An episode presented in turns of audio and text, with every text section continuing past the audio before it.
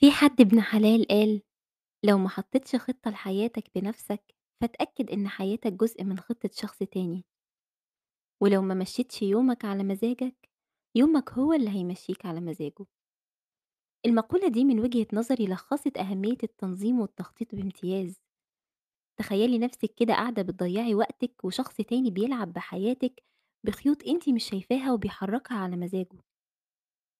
أنا نريمان ناصر وانتي بتسمعي بودكاست قلادة.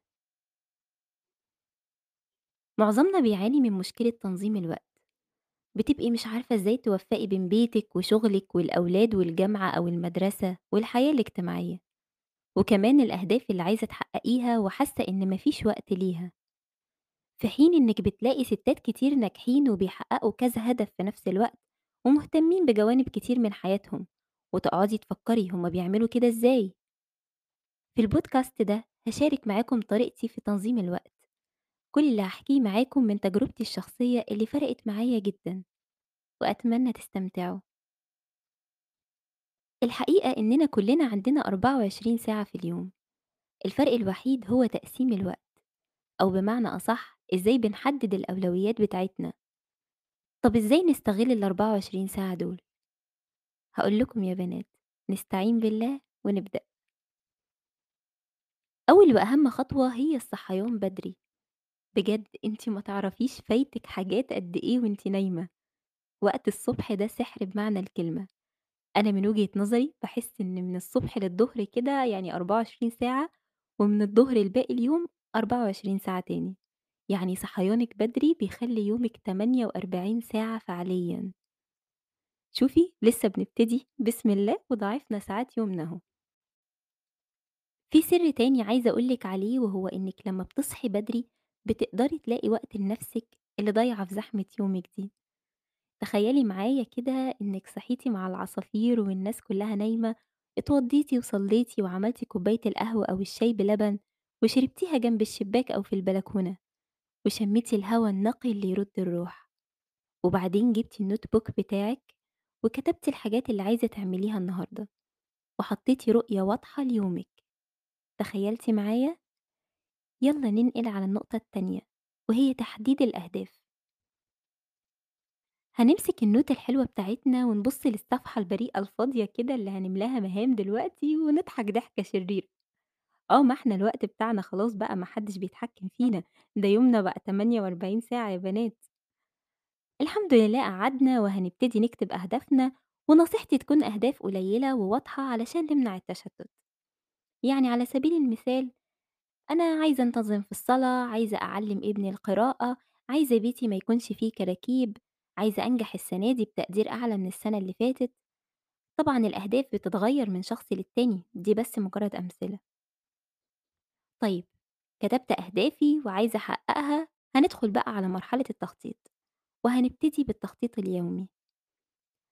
أول حاجة هتكتبي المواعيد المهمة في يومِك، زي الجامعة أو حضانة ابنِك أو درس هتروحيه أو ضيوف جايين أو حتى ميعاد دكتور مثلًا. كده إحنا عرفنا إن الساعات المعينة دي مقفولة خلاص مش هنيجي جنبها. طب باقي الساعات؟ دي هاوزّع عليها أهدافي الأهم فالمهم. مثلًا أنا عايزة أنتظم في الصلاة، هاقول لِك على طريقة هتخلّيكِ إن شاء الله تنتظمي عليها، وهي إنِّك تخلّي مواعيدِك دايمًا مرتبطة بالصلاة. يعني أنا هاصلّي الصبح وأروح الجامعة، هاصلّي الضهر وأبدأ المحاضرة التانية، أو هاقابل صاحبتي بعد العصر، جوزي بييجي بعد المغرب، فأنا باصلّي المغرب وأسخّن الأكل، وهكذا. سبحان الله، يعني ربنا يا بنات مقسّم يومنا 5 أقسام بالصلاة، وإحنا مخلّيينه قسم واحد داخل في بعضه! الصلاة فعلًا بتهذِّب الإنسان في كل جوانب الحياة. طيب الهدف التاني عايزة أعلّم ابني القراءة. يبقى أحدد وقت من أوقات الفراغ اللي قُلنا عليها الأول، وأقعد معاه ولو ربع ساعة نتدرب سوا، وطبعًا زي ما قُلنا في النصيحة اللي فاتت يُفضّل يكون بعد الصلاة، علشان ابنِك يتعلم السلوك ده منِّك. يعني بُص يا حبيبي ميعادنا كل يوم إن شاء الله بعد العصر، هنصلي العصر سوا ونقعد نقرأ. ويبقى ده ميعاد ما بيتغيّرش غير للضرورة، وإن شاء الله هتلاقي إنجاز في وقت قليل. طيب أنا مش متجوزة وعايزة أنجح في الجامعة، أعمل إيه؟ هاقول لِك. بُصّي بقى دي تجربة شخصية بحتة، أول حاجة هاتي ورقة واكتبي أسامي كل المواد وقدامها عدد الفصول في الكتاب وأسامي الفصول كمان، كده خدتِ نظرة عامة على كل المواد اللي عندِك. تاني حاجة هتجيبي برطمان وورق صغير مربعات، وتكتبي في كل ورقة اسم فصل من الفصول، لحد ما تكتبي كل الفصول في كل المواد، حلو؟ حلو إن شاء الله. هتحطي البرطمان الجميل ده جنب باب الشقة، وتاخدي منه ورقة كل يوم، والفصل اللي هيطلع هتقرأيه في المواصلات وفي أماكن الانتظار، يعني في طريق الجامعة رايح جاي، كده مستحيل تعدّي كلمة عليكِ من أي مادة في آخر السنة. طب والمذاكرة؟ للبنات اللي بتحضر في الجامعة، هتذاكري كل يوم المحاضرات بتاعته مع قراءة الفصل اللي بيطلع لِك في البخت ده.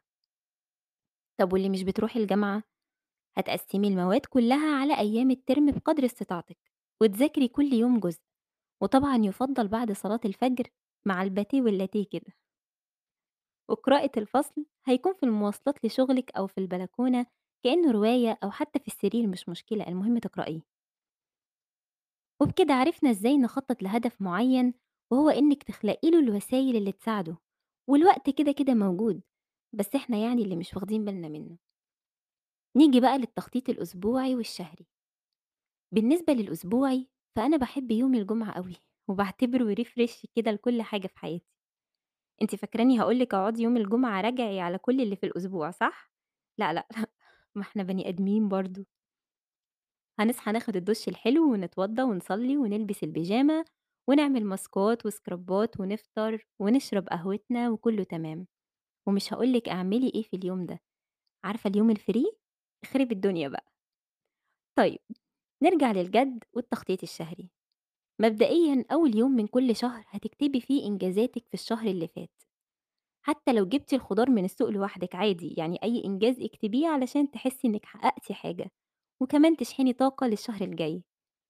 تاني حاجة هتشوفي إيه الأهداف اللي بتفرق في حياتِك فعلًا وتعتمديها، والأهداف اللي بتضيّع وقتِك تمسحيها خالص من حياتِك.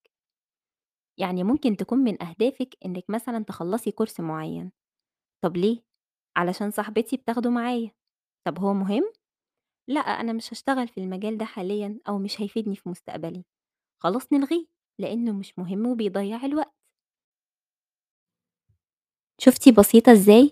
أتمنى يكون معاكِ ورقة وقلم وكتبتِ الخطوات اللي قُلنا عليها، أو اعملي تحميل للبودكاست واحتفظي بيه عشان تسمعيه تاني وتكتبي الخطوات. كانت معاكم نريمان ناصر في بودكاست قلادة. أتمنى تشاركوا البودكاست مع أصحابكم لو استفدتوا منه، وتتابعوا الحلقات الجاية عشان نتكلم سوا في مواضيع مهمة لأي بنت. هاستنى رأيكم في التعليقات وشاركوني تجربتكم في تنظيم الوقت. القلادة تقدر تكون زينة جميلة، وتقدر تجيب لِك ضيق تنفس وخنقة. دي حياتِك وأنتِ اللي بتختاري.